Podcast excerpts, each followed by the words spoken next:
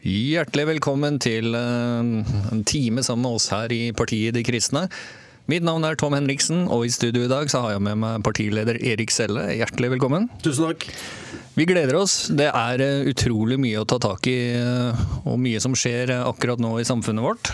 Og noen av de tingene vi må innom i dag, er strøm. Altså, hva er løsninga? Altså, hva, hva, hva tenker vi, liksom? Vi ser at man vedtar en utredning pga. prisene nå osv. Vi, skal- vi skal ta hele debatten etterpå. Og så altså, hvordan henger dette sammen med det grønne skiftet? Hvordan er nasjonens framtid i forhold til EU og EØS? Og er det virkelig flertall i samfunnet for å være tilknytta disse overnasjonale avtalene? Vi får en uh, mulig påvirkning og omgjøring av en uh, viktig dom i USA, Wade versus Roe, som da tillot abort, fri abort. Og i USA så er dette den store snakkisen. Den skal vi litt innom. Og så har vi litt andre liksom, Hvordan eh, kan eh, man skille mellom eh, politikk og religion? Er det noe menighetene gjør? Er det noe Den norske kirke gjør, eller ikke? Klepp kommune.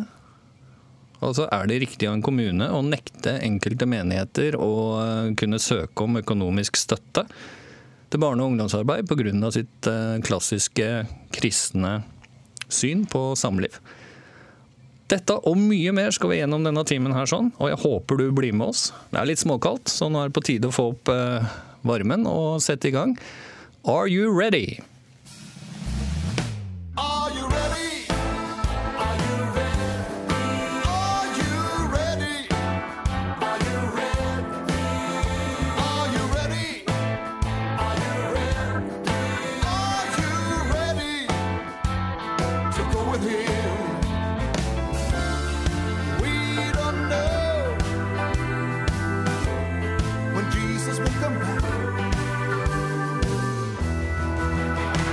Do you know what the Bible says about what's ahead?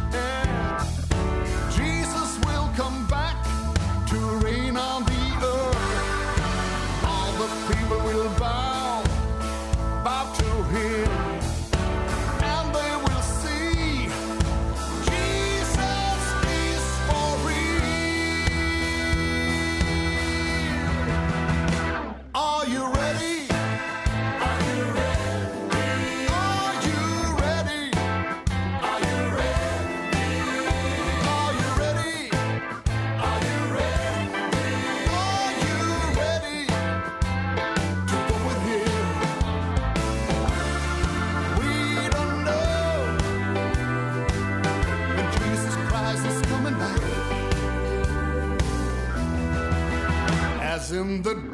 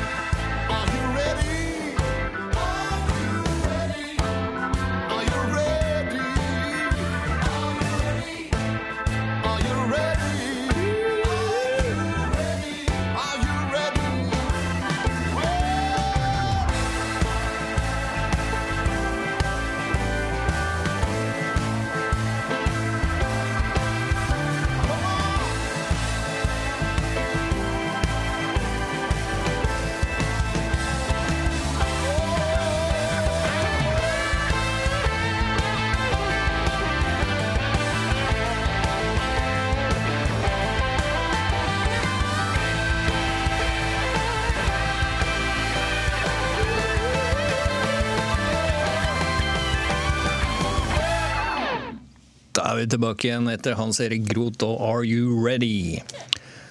Erik, det er jo en skikkelig snakkis i avisene og overalt på TV osv. Strømregninga vår. Altså, hva, hva, hva, har du tenkt litt sånn eh, rundt akkurat dette fenomenet med at uh, ACER uh, tilknytta oss ACER både tredje pakke og det er snakk om fjerde pakke, og ingenting av dette skulle berøre strømregninga vår og så, og så videre. Og så plutselig opplever vi rekordhøye priser. Ja, dette, dette, går jo eh, tilbake til eh, det vi prøvde å fremme i valgkampen. Eh, og Hvis jeg bare begynner der, så, så var jo dette med, med, strømpriser noe som vi så komme. Og jeg syns det er veldig oppsiktsvekkende at nestleder i Arbeiderpartiet sier nå i uken at dette så vi ikke komme. Eh, altså Når en eh, nestleder i Det norske Arbeiderparti eh, fremstår eh, som om det er overraskende konsekvensene av den nærings- og industripolitikken som er blitt ført de siste 20 årene, så er det rett og slett en søknad om avskjed på grått papir. Og jeg syns det er ganske skremmende at vi har eh, politikere i dag som sitter fullstendig rådville. Vi så NRK-debatten med olje- og energiminister som virket Hun virket rett og slett som eh, en person som står overfor et problem som hun overhodet ikke vet hvordan hun skal håndtere eller løse. Er Meget bekymringsfullt. Eh, men la meg gå litt tilbake igjen i tid, for den store utbyggingen av vannkraften i Norge startet på slutten av 1800-tallet, når vi var avhengig av import av kull fra utlandet. Eh, den situasjonen vi har med selvforsyning av vannkraft og kraft i Norge, er altså ikke en tilfeldighet.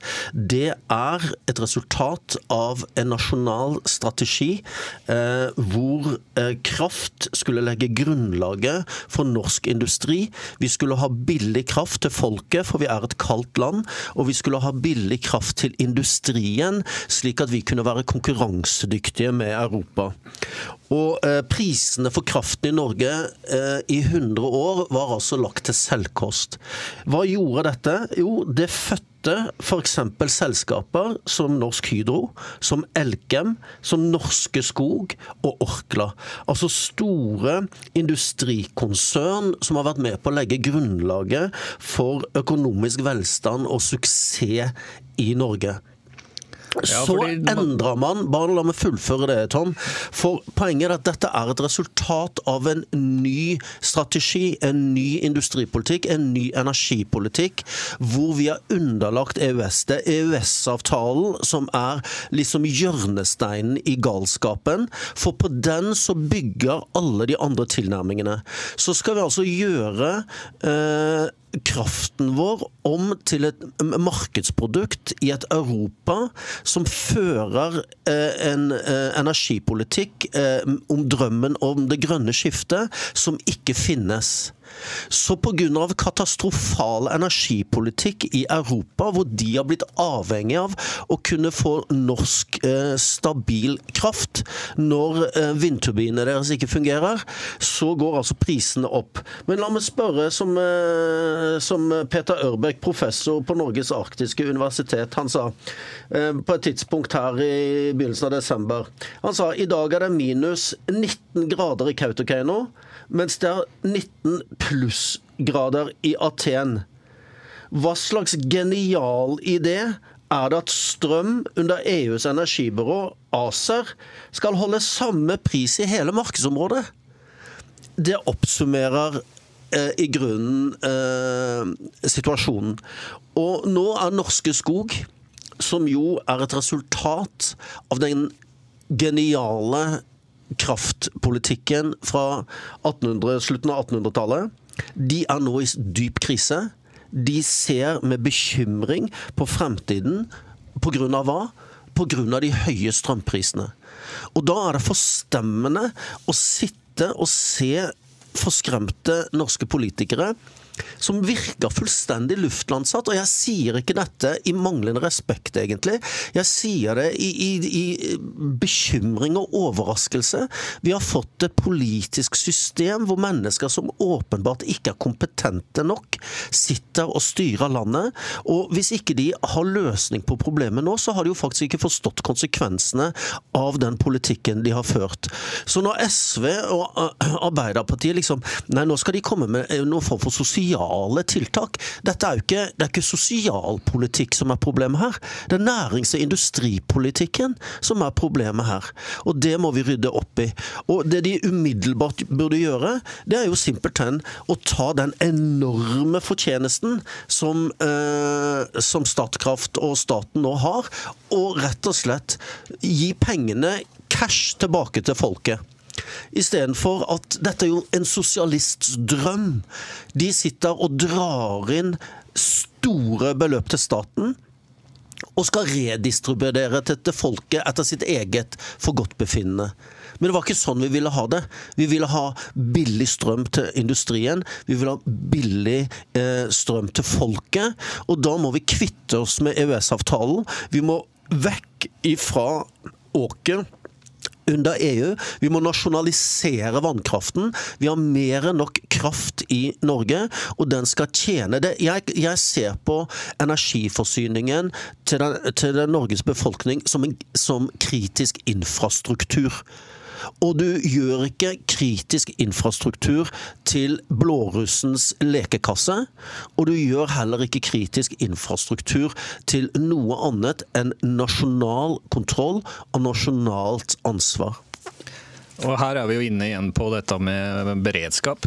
Altså mange tenker ikke over det at uh, i dag så styres uh, Norge av veldig mye produkter, uh, dataprodukter og den type ting. Altså alt er digitalt. Vi har også en eksportnæring. Der vi allerede vet at Norge er et av landene i verden som har dyrest produksjonskostnad av produkter.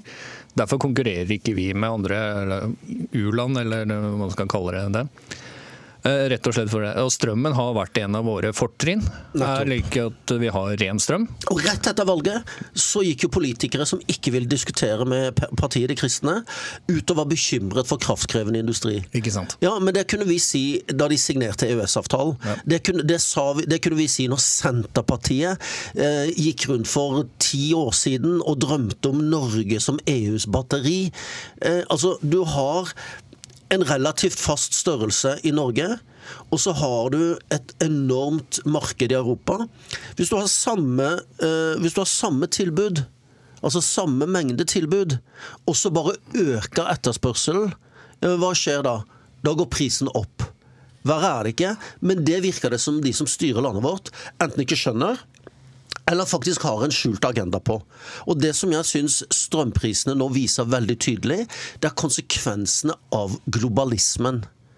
Eh, når vi, eh, vi ble jo litt sånn skjelt ut her i våres når eh, norske politikere, regjeringsmedlemmer, gikk med FN-pins i jakkeslaget istedenfor det norske flagget. Så sier vi betyr det at deres lojalitet ligger til en globalisert agenda istedenfor det norske folks beste? Og dere nasjonalister, får du til svar da. Ja, men det er jo helt åpenbart da, at man har ført en politikk hvor det er ikke Norges befolkning som står i sentrum, men det er en annen annen agenda. Og det mener vi at eh, inntil vi har en folkeavstemning eller endring av Grunnloven som sier at norske politikere ikke lenger skal ha norsk nasjonal suverenitet og selvråderett som styringsmål så er de nødt til å forholde seg til det. Hvis vi endrer det, så kan du bli globalist. Men de bryter jo Grunnloven med sin politikk. Og hva skjer? Jeg fikk en melding i går fra en kamerat som er blind og uføretrygdet, som nå sitter altså har skrudd ned varmen i leiligheten sin, og han fryser. Eh, må tenke gjennom hvor mange ganger og hvor lenge han kan dusje. Fordi at det, han lever på marginene. Og det som virker som om dette ekkokammeret på Stortinget ikke skjønner, Altså Unge mennesker som har kommet inn som broilere, tjent én million kroner nærmest i sin første jobb. Før det så levde de av tipsen som kelnere på en restaurant i Stavanger. Ikke sant? Så kommer de inn med store uh, de, de skjønner ikke hvordan vanlige folk har det. Det er mange uføretrygda i Norge. Det er, det er mange som, uh, som er lavtinntekt, respektfulle mennesker. Folk som fantastiske mennesker, som har valgt yrker og jobber som vi er helt avhengig av i Norge, som det krever enorme kunnskaper og evner og ferdigheter til å gjøre, men som er lavt betalt. Altså Vi har Og de sliter! Vi har minstepensjonister. Og nå sitter det altså stortingere på NRK Debatten og virker fullstendig luftlandsatt. Så kutt momsen umiddelbart. Gi kontanter tilbake til folket, for det er folkets ressurs. Når kutt strømleien, kutt alle offentlige avgifter. Det er et hav av virkemidler å ta tak i. Og nasjonaliser energien, for det er, et, det er folkets eiendom. Og det er ikke blårussen som kan styre dette lenger. Og globalistene må vekk. Og det som jeg syns er interessant, det er at den beste debatten rundt dette her var altså mellom lederen av Kystpartiet i Bergen og Terje Søviknes i Frp, hvor lederen av Kystpartiet i Bergen sa for flere, altså i 2018, det vi ser nå. Hvor Terje Søviknes, som var eh, minister den gangen, sier liksom rett ut til det norske folk, litt sånn halvarrogant, at eh, denne Kystpartifyren er nærmest en tulling, jeg har kontroll. Og så ser vi at Terje Søviknes og Frp går ned med fulle seil, og Kystpartiet hadde rett. Det forteller meg én ting, at det er ekstremt viktig for det norske folk å ikke la seg dupere lenger. For det finnes masse intelligente, oppegående mennesker som jobber for og elsker Norge, og jobber for Norge hver dag i partier som ikke sitter på Stortinget. Og det er én ting vi trenger nå fremover, så er det nye partier inn på Stortinget som har folkets ve og vel som styringsmål for sitt politiske engasjement. Fordi eh, det vi ser i, eh, altså, i forlengelsen av dette her, er altså det er inflasjon. Det vil si det at uh, alt i markedet vokser raskere i kostnad enn det inntekta de gjør. Da er vi inne på inflasjon. Strømregninga er én ting. Butikkprisen har økt 30 Eh, Vi har reiser har økt betraktelig. Flyreiser har dobla seg osv. Altså, vi er inne i en inflasjon. Vi ser boligprisene gikk 0,4% tilbake nå. Alle disse tingene her henger sammen. Og det jeg syns er så fantastisk, er at du kaller sosialistene blåruss inne på Stortinget. Det kan en ta til seg, det syns jeg. Fordi det er sånn de egentlig opererer når de ikke tenker på norsk beredskap. Man tenker ikke på befolkninga. Man sitter bare og ser på et Excel-ark, som jeg kaller det. Og ser hvordan kan jeg hanke inn mest mulig penger. Det er ti, var det ti milliarder i utbytte eller noe sånt. De hadde dratt, og de skal øke dette til neste år på nettleia. Nettet blir ikke bygd ut. Eh, Man kan gå på nettet, og så kan man eh, søke opp hvor kablene er. Vi har to over til Sverige. Eh, Vi har en som skal til Skottland, men allerede før den tid så har vi tre andre kabler som per i dag sender strøm ut av Norge. Og så kan man snakke om strømpool og alt mulig sånn, men det, det, det har ikke noe i denne debatten å gjøre, for det er som du sier. Vi må nasjonalisere det som er viktig for den norske beredskapen, osv. Og så er det eh, bare å skyte inn det, Tom, eh, Tom, for du er inne på noe veldig riktig her. Og, um, altså, tysk katastrofepolitikk skal ikke bli norsk minstepensjonistproblem. Nei. Men de globalistene som sitter på Stortinget i dag og det er ingen forskjell på Arbeiderpartiet og Høyre her. Eh, Og jeg, Det er én ting som gleder meg, Tom. Det er at LO har nå varslet at de skal i gatene etter jul og demonstrere mot disse strømprisene. Og jeg håper LO nå slutter å bare finansiere Arbeiderpartiet på autopilot. Fordi at det er altså nå så stor forskjell mellom den politiske retningslinjen som LO ønsker, som tross alt vet hvordan vanlige folk har det, og Arbeiderpartiet, som er akkurat like globalistisk retta som eh, Høyre. Altså, Det er ikke noe forskjell på Espen Barth Eide og Erna Solberg og Jan Tore Sanner når det kommer til stykket. Og det må norske velgere forstå. Og Jeg har lyst til å slå et slag for deg som hører på. Eh, Anton Smedshaug han har skrevet en bok som heter Gjeld, eh, med undertittel 'Hvordan Vesten lurer seg selv'. Det er altså en rystende bok. Det er en, det er en fagbok for ikke ikke fagfolk. Eh, hvordan forstå økonomien og de sammenhengene som du berører nå, Tom, de forklarer Kristian veldig godt. Og det er klart at inflasjonsspøkelset her er overhengende. Inflasjonen i USA, til sjefen i Twitter, han sa at dette kan bli stagflasjon. Altså du får økende arbeidsledighet og økende um, Altså pengene taper sin verdi, og du får økt arbeidsledighet på samme tid. Og det er ganske spesielt. Hvorfor det? Jo, for vi har altså nå politikere som bare har trykket penger. Trykket penger, trykket penger inn i markedet. Hva skjer da? Jo, da vil jo verdien av pengene gå ned. Og det er en voldsom trussel for økonomien. Og da er det noe som er veldig kritisk. Det er at den norske stat sitter og vet at det finnes en beredskap til å ta vare på befolkningen på kritisk materiell. Og jeg kaller energi i Norge Det var det er 15 kuldegrader hjemme hos meg om dagen. Da, da varme kritisk eh, materiell. Ikke sant? Eh, så, eh, så, her er det og, og, disse tingene henger sammen. Globaliseringen, pengetrykkingen, det såkalte grønne skiftet. Og tenk nå på de skal elektrifisere sokkelen. Altså, Equinor gikk ut med et nytt felt som de skal elektrifisere når allerede strømprisene er i taket. Og EU har sagt nei til å være med å støtte Erna Solberg og Espen Barth Eide sin sinnssyke idé om å CO2-fangst, det såkalte Langskipet, til 25 milliarder kroner ned i Nordsjøen. Altså, det brukes penger. Og jeg vil ikke engang si som fulle sjøfolk, for fulle sjøfolk virker det som har mer i huet enn en del av disse politikerne nå. 40 milliarder går ut i et såkalt bistandsbudsjett. 25 milliarder skal gå ned i dette Langskipet i CO2-fangst. Eh, jeg vet ikke, 50 milliarder milliarder i elektrifisering av sokkelen i et produkt som det begynner å, å gå tom. Hva tror du skjer? Vi er nødt til å begynne å se på atomkraft.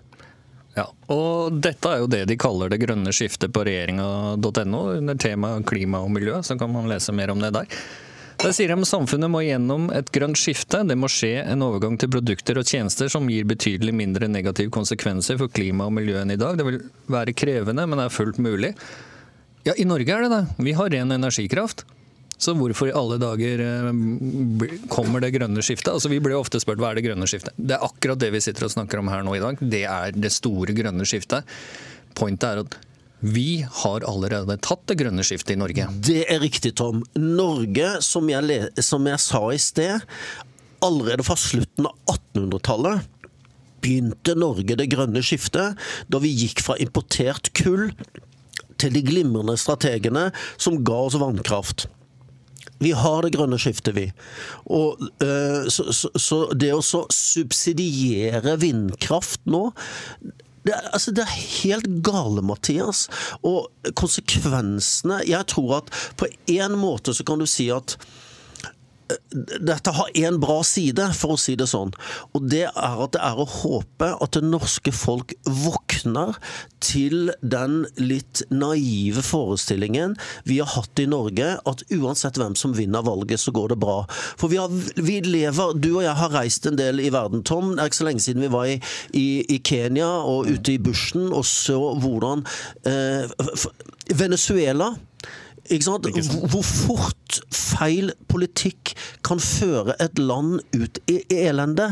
Den virkeligheten har liksom ikke vært helt present i det norske folk, for vi har hatt det så godt. Liksom Uansett om Høyre eller Arbeiderpartiet har ledet en koalisjon, så har vi pumpet olje opp av havet, og vi har det bra. Men nå ser man til og med at eh, regjeringen Støre legger altså på CO2-avgifter på oljebransjen. og og kansellerer eh, 26. konsesjonsrunde, som på, en måte signaliserer det. Det oppfattes som at vi ønsker å avvikle norsk olje og gass, hvor altså 84% av verdens energi er fossil energi fremdeles. Altså, vi sitter på gull som de ikke vil lenger ha inntekt av, mens de øker inntektene som vil eskalere. Det henger ikke på greip. Så hvis Arbeiderpartiet og Høyre og globalistene får fortsette, så er jeg faktisk bekymret for at vi kan ende opp i Venezuela-lignende tilstander i Norge fortere enn det vi ønsker. Og vi har også en innvandringspolitikk i Norge, og har hatt det i Europa, som vil være ødeleggende for kontinentet. Eh, for vi kan altså ikke kutte inntektene, øke utgiftene og ta inn mennesker som krever masse utgifter på én gang, og tro at det går bra. Så vi er nødt til å ha en restriktiv innvandringspolitikk. Og jeg husker det er 15 år siden jeg advarte mot grenseløs innvandring og migrasjon. Og jeg ble skjelt ut av de eh, høyt eh, ansatte elitene eh, i Norge. Liksom litt sånn nedlatende 'Erik, du må forstå at vi trenger arbeidsinnvandring i Norge'. Ja, det er klart, jeg er for arbeidsinnvandring. Hvis vi trenger en ingeniør, så er det samme for meg hvor den ingeniøren kommer fra. Hvis den ingeniøren har de skillsene. Eh, men vi kan altså ikke ha en grenseløs migrasjon slik som FNs migrasjonsplan legger til grunn, Marrakech-avtalen, slik som FNs generalsekretær stadig tar til orde for, og som Høyre eh, og de borgerlige partiene signerte, og som Arbeiderpartiet og SV og de andre er enig i. Og jeg satt på Stortinget da utenriksminister Eriksen Søreide ble tvunget til å komme for å redegjøre for Marrakech-avtalen. Og vet du hva som skjedde? Til min store forbløffelse så går Knut Arild Hareide fra KrF på talerstolen og nærmest skjeller ut utenriksministeren for å komme og plage Stortinget med denne informasjonen. Og så går Lysbakken fra SV opp og er like rasende for at de kaster bort tiden. Det de egentlig sier, er at de vil ikke at befolkningen skal bli kjent med den avtalen som et tverrpolitisk eh, storting egentlig var enig i, med unntak av noen få, få mennesker i stortings-Frp. Sånn at vi har flere det jeg kaller globalistavtaler på bordet som vi ennå ikke har sett de fulle dramatiske konsekvensene av, slik vi nå har sett på strømprisen. Og Hvis alle disse tingene faller på plass, hvis vi forplikter oss For det som var interessant nå når eh, Jeg må fremheve Fredrik Solvang. En fantastisk journalist. Det, det er bare i all fortvilelsen over all propagandaaktivismen som kalles norsk journalistikk, så så må jeg bare gi Fredrik Solvang heder og ære, for han er en ordentlig journalist som stiller ordentlige spørsmål, uansett hvilken side det er. Eh, og når han stiller spørsmål, og du faktisk får høre av både fagmiljøene og politikerne at de erkjenner at vi kan ikke bare stenge av disse kablene, for vi har signert på avtaler. Tom, det er jo dette vi i partiet De kristne har advart om i ti år nettopp disse avtalene. At politikerne har signert avtaler som binder oss til masta, i en fortvilet politisk konsekvens for min blinde venn Geir, som nå sitter med 15 grader i leiligheten sin, for han har ikke råd til strømmen. Skjønner du?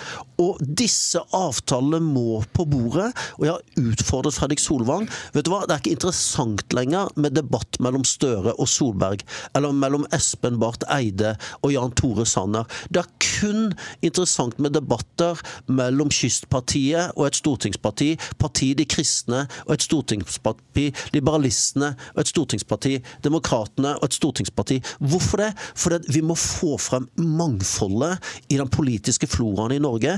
Og jeg må si at når jeg møter politikere på Stortinget, så blir jeg nesten forbløffet. Det virker som de ikke forstår sakene, men de har gått på, eh, på sånn der PR-kurs for å lære hva de skal si i hver enkelt sak. Og så er de ikke vant til å bli stilt spørsmål utafor den komfortsonen. Men når jeg har møtt, og det må jeg si, jeg har møtt f.eks. i Kystpartiet og andre, det er så mye dyktige folk, og nettopp fordi vi vet at ikke vi får noe gratis gratis, så kjenner jeg ingen som er så nøye å sette seg inn i saker som politikere fra partier i dag som sitter rundt omkring i kommunestyrer, men som ikke sitter på Stortinget, enda. Og mange av de er høyt utdannede mennesker. Mange av de har livserfaring. Mange av de har internasjonal erfaring. eh, Og de har kompetanse. Og min bønn til både velgerne og mediene og til Herren selv, det er at i de neste valgene og i den, i den pågående politiske debatten, så må vi få frem bredden. Og da må vi ha sånn som disse podkastene.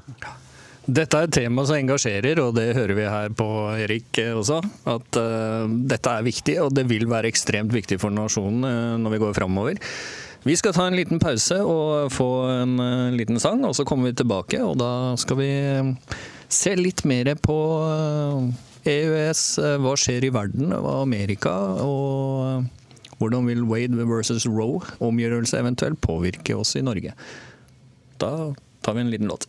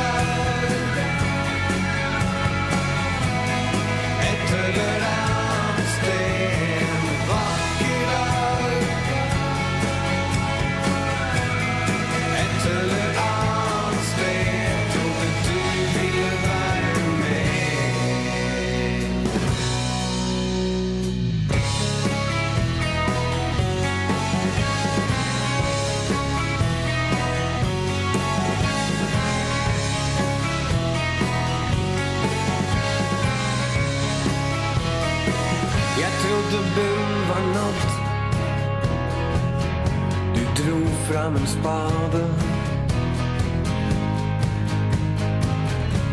Smilte skjevt og hvisket ha det.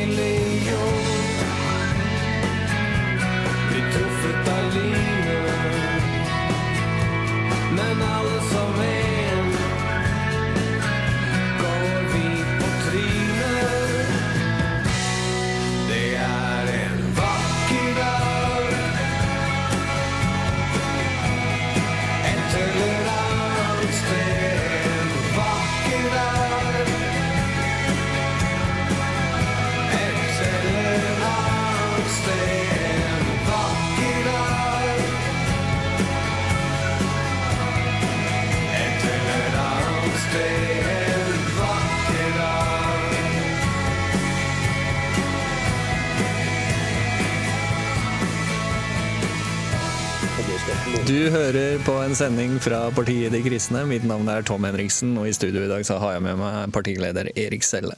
Vi har akkurat dratt eh, litt strøm med det grønne skiftet, migrasjon osv. osv. Uh, Nå er det jo sånn at verden er eh, blitt eh, større. Altså Det er ikke lenger isolasjonspolitikk som eh, styrer hele verden. Altså Man har et ønske om én verden. Man har også et ønske om EØS-avtale, altså overnasjonale storstater, hvis man kan kalle det det. Eh.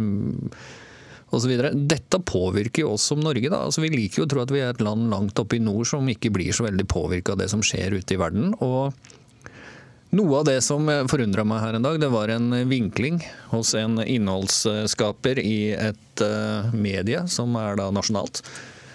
Og der han klarte å påstå at det norske folk var for EU og EØS-avtalen. Men lenger ned i artikkelen eh, denne innholdsskaperen i VG skrev, så skriver han da at eh, nei da, det er egentlig ikke sånn, men i ene undersøkelsen kunne man tolke det som om man var for EØS-avtalen. Hva, hva, hva tror du dette gjør med den norske befolkninga? Altså vi, vi sitter og ser og leser i avisen at oi, vi er for alt dette her vi snakka om i første delen før eh, sangen. da. Økte kostnader, inflasjonsrisiko, være en batteri for resten av Europa osv. Overnasjonale avtaler, som overstyrer nasjonale og den type ting. Ser du, ser du liksom noe framtid eh, i EU for Norge? Altså, Vi er jo ikke i EU, og det burde politikerne ha respektert. Um, Du, du åpner opp et, et stort eh, felt her, eh, Tom, men la meg begynne tilbake i eh, 94, da det var folkeavstemning nummer to om EU. Eh, Jeg er gift med en meget eh, oppegående, vakker kvinne som eh, var kvalifisert EU-motstander.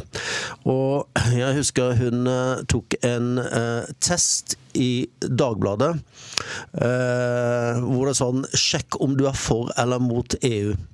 Uh, og det var 20-25 spørsmål eller noe sånt. Og hennes tilbakemelding fra uh, Dagbladets test det var at hun var, eh, hun var nøytral, hellende mot ja til EU. Og hun bare lo, for at er det noe hun var, så var hun mot eh, EU, ikke sant? Eh, og det viser hvor manipulerende eh, mediene er. Eh, Jeg må bare le av Lars Akerhaug, som nå har sluttet eh, i Resett med brask og bram, og ble intervjuet i VG.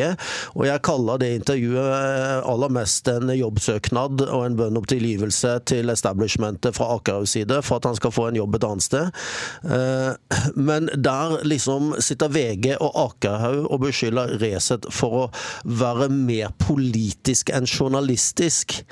Eh, Da, da må jeg be lytterne bare le i skjegget. Altså, hva er NRK om ikke en ren propagandainstitusjon i ni av ti saker?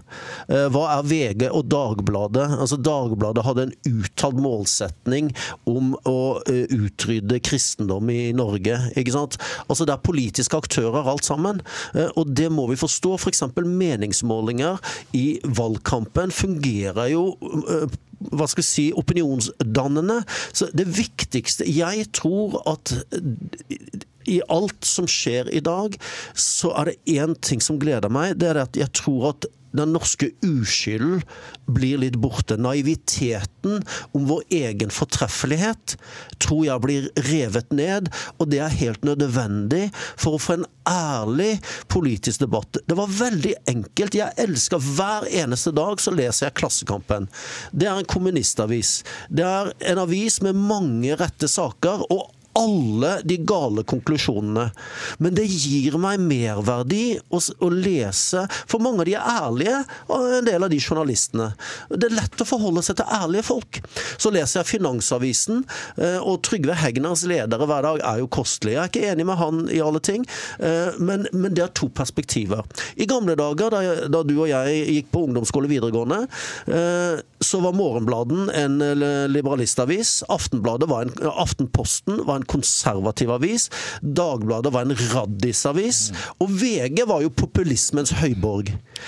Da visste du hva de sto for, og det, det er en ærlig sak. Nå koker alt sammen, og det gjør at illusjonen om journalistisk objektivitet eh, forfører litt det norske folk. La meg si det nummer én. Nummer to, det er at EU har et demokratisk underskudd. EU er altså ikke en demokratisk institusjon. EU-parlamentet lager ikke lover slik det norske storting lager lover for det norske folk. Eh, EU-kommisjonen er selektert, eh, har all makt. Og i realiteten så har EU-landene overgitt styringen av sine nasjoner til et ikke folkevalgt organ. Og det norske folk har sagt to ganger nei til EU. Og jeg, eh, jeg vil kalle det forræderi mot folkeavstemningene. Når du har politikere som har gjort alt det de kan for å føre Norge inn under et EU-regime hvor vi har gitt fra oss selvråderetten.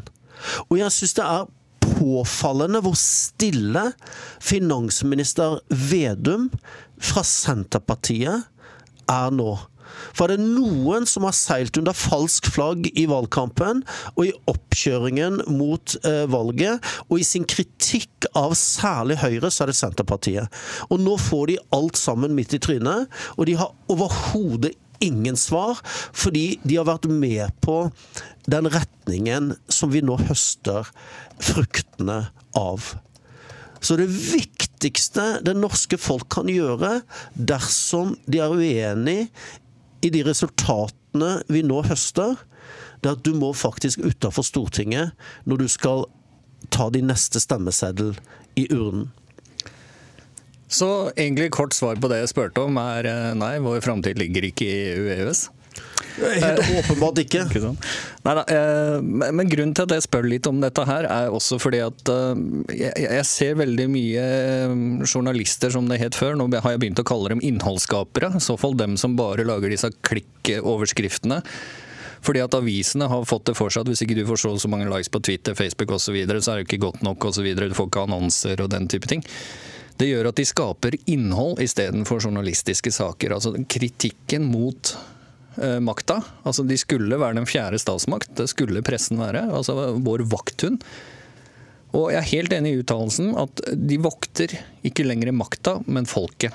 Og da har du også gått over fra å være reporter til en klikkreporter til en innholdsskaper. Og, og, og det kan vi nok se veldig mye av alt etter hvilke artikler osv. Igjen, det finnes en rekke kjempedyktige journalister. Jeg håper de liksom står på nå og står fram og kommer med den kritiske journalistikken vi trenger her i Norge for å kunne åpne opp for å få en god diskusjon rundt alle disse temaene. Også hvordan EU, EØS-avtalen osv. Og andre overnasjonale avtaler binder Norge på hender og føtter. Også i framtida. Vi har bare sett begynnelsen. Strøm her nå. Det er bare begynnelsen på hva som kommer hvis vi ikke gjør en endring nå. I tillegg til det så, så leser jeg også, og det er eh, veldig mye på nettet nå, det er Wade versus Roe. Og det er en domsavslutning etablerte grunnlovstolkning om fri abort i USA. Den er eh, virkelig i vinden om dagen, og det kan se ut som at uh, Høyesterett i USA har tenkt å omgjøre denne dommen. Det vil da si at det er ikke noe fri abort. Du har ikke noe rett til fri abort. Dette er jo en veldig hva skal jeg si, altså sidene, Hver sin side av denne saken er jo beinharde. Altså jeg har fått med meg litt grann der man står og svelger abortpille, altså ekte abortpille utafor uh, trappa i Kongressen, eh, til man står med kleshengere man har stikke opp et visst sted, til de som da er helt på andre siden, som bare Nei, eh, fri abort eller abort i det hele tatt er eh, ikke noe vi skal eh, diskutere engang. Du har ikke lov, uansett omstendighet. Om du dør som mor, så bryr vi oss ikke, osv. Altså, det, det er en manglende debatt eh, rundt dette her. og jeg, jeg tror dette vil påvirke oss i Europa, jeg tror det vil påvirke oss her i Norge hvis de omgjør denne dommen. Vi i Partiet De Kristne vi har vært veldig tydelige. Vi ønsker å verne om livet fra unnfangelse til naturlig død. Og det er vel et av de få partiene i Norge som har vært eh, tydelige på dette her. De fleste andre partier velger å rett og slett fristille alle kandidatene, og da får du igjen ingen konsensus, ingen diskusjon. Alle har en forskjellig mening. Men Erik, tror du eh, denne debatten de har nå, og mulig omgjøringa av denne dommen, vil påvirke oss her i Norge? I abortdebatten? Eh, Jeg er litt i tvil, eh, faktisk, eh, hvor mye det vil influere akkurat Norge. Bare for å ta det, altså det er jo sånn at USA har jo hva skal jeg si, ikke en grunnlov sånn som vi har. De har et, et lovsystem hvor beslutninger i lovverket skaper presedens, altså sedvanerett. Og Det er derfor Roe versus Wade, som det heter, fra, fra 1973, eh, er viktig. Hvis Høyesterett omstøter den, så får jo det da eh, tilbakevirkningen. Det vil influere Det er mange konservative delstater som ønsker å stramme inn abortlovgivningene i, i USA, og det det helt klart vil gjøre, det er at det vil, eh, det vil påvirke internasjonalt i forhold til USAs holdning. Det er klart, nå er jo altså Biden og Obama eh, De har jo eh, ført en eh, abortpolitikk hvor man kan ta livet av barnet helt opp til fødselsøyeblikket, som jo er grotesk. Altså Vår debatt om 22. uke er jo egentlig bare en søndagsskole i forhold til den eh, hva skal jeg si, eh, makabre praksisen som har vært i USA, hvor du faktisk kan ta livet av barnet helt opp til fødselsøyeblikket, som f.eks. George Bush jr. som president eh, stoppet. Så de har et visst slingringsmonn, kan du si. Presidenten kan stoppe den praksisen. Og Trump gjorde jo det samme. Eh, Reagan var jo også en ja til livet-president.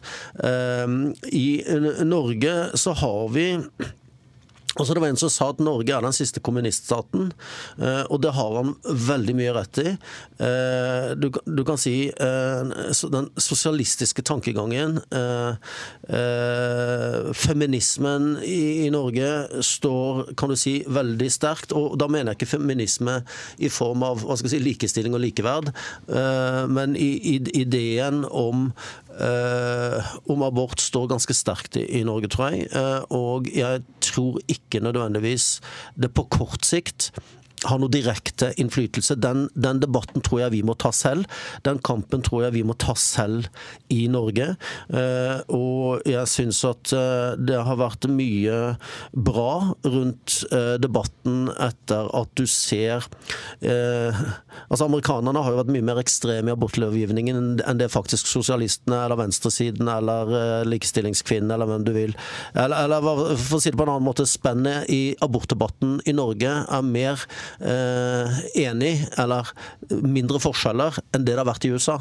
Eh, og Derfor så tror jeg ikke den får umiddelbar konsekvens i Norge. Men jeg tror at hele Det, det jeg tror har, gir åpning for en ny forståelse av hele sakskomplekset, det er jo teknologi. Ikke sant? Altså Vi får stadig bedre teknologi og mulighet til å ta vare på uh, mennesker i sårbare situasjoner. Uh, vi får bedre kreftmedisiner, uh, vi får bedre altså he Hele problematikken om å ta vare, forlenge liv uh, pga. medisinsk utvikling og teknologi, det har også gitt en, tror jeg, en større forståelse av at fosteret er et barn. Ikke sant? For du kan se barnet, vi kan nå Problemet i Norge det er jo hvis eh, de skulle få gjennomslag for eh, abortgrense ved uke 22 f.eks., så er jo realiteten at helsepersonell på det ene rommet redder livet til et barn som er akkurat like gammelt som det barnet de tar livet av i naborommet. Og Jeg husker jo for noen valg siden hvor eh, forsiden av VG hadde eh, jordmødre fra Rikshospitalet som var fortvilet. Hva gjør det med deres hverdag når de må legge en baby til å dø, som da er resultat av et, eh, et abortinngrep hvor barnet ikke døde med en gang. Ikke sant? Det gjør noe med en. Så jeg tror at alt dette eh, kan gjøre noe med abortdebatten i, i Norge. Og jeg håper jo at og det, det vi også ønsker å bidra med i partiet De kristne, det er jo at disse eh, vanskelige, f- følsomme temaene blir debattert med innestemme, og med respekt for meningsmotstanderens integritet og synspunkter. Fordi at hvis demokratiet ender opp i at vi bare slår hverandre i huet med en stokk, eh, så er jo forutsetningen for eh, demokrati og debatt borte. Eh, Min oppgave er å forsvare din rett til å være uenig med meg. Og på det så skal du få ett spørsmål. Vi har eh, halvannet minutt igjen her nå. Litauen, koronapass. segregering. Er det veien å gå for et demokratisk Nei, samfunn? Partiet De Kristne har sagt siden dag én at koronapass er vi helt imot. Og det er ingen smittevernsgevinst i koronapass. Det er et eh, dragning mot det totalitære som har vært ukjent for oss i Vesten. Eh, I Litauen i dag så er det altså mennesker som ikke får handle. eh, Ikke får, eh, de er utenfor samfunnet. De må nesten ut i det svarte markedet, som i gamle Sovjetunionen, pga. koronapass. Jeg hørte fra Israel mennesker som ikke har vært en del av det normale samfunnet, for de har reservert seg mot denne vaksinen. Og et, et demokratisk og fritt samfunn skal ha en veldig høy altså Du skal snakke om ebola og svartedauden før du kan begynne å snakke om tvangsmedisinering, som det i praksis er. Og særlig når det ikke er smittevernsgrunner til å innføre koronapass. For vaksinerte smitter andre. Vaksinerte blir selv smittet. Vaksinerte blir innlagt. Og partiet De kristne er veldig for en, en, en smittevernspolitikk som hjelper, men vi vil våke og verne over eh, friheten eh, og det åpne, demokratiske samfunnet. Og det var det vi rakk i dag. Eh, Neste sending så har vi tenkt å kjøre litt mer på Forsvaret, forsvarspolitikk. Eh, Norge i verden, eh, gjerne litt større geopolitisk eh, sammenheng. Men fram til da så ønsker jeg dere alle sammen riktig god helg, og avslutte med Leva livet, Åge Aleksandersen. Takk for oss i dag.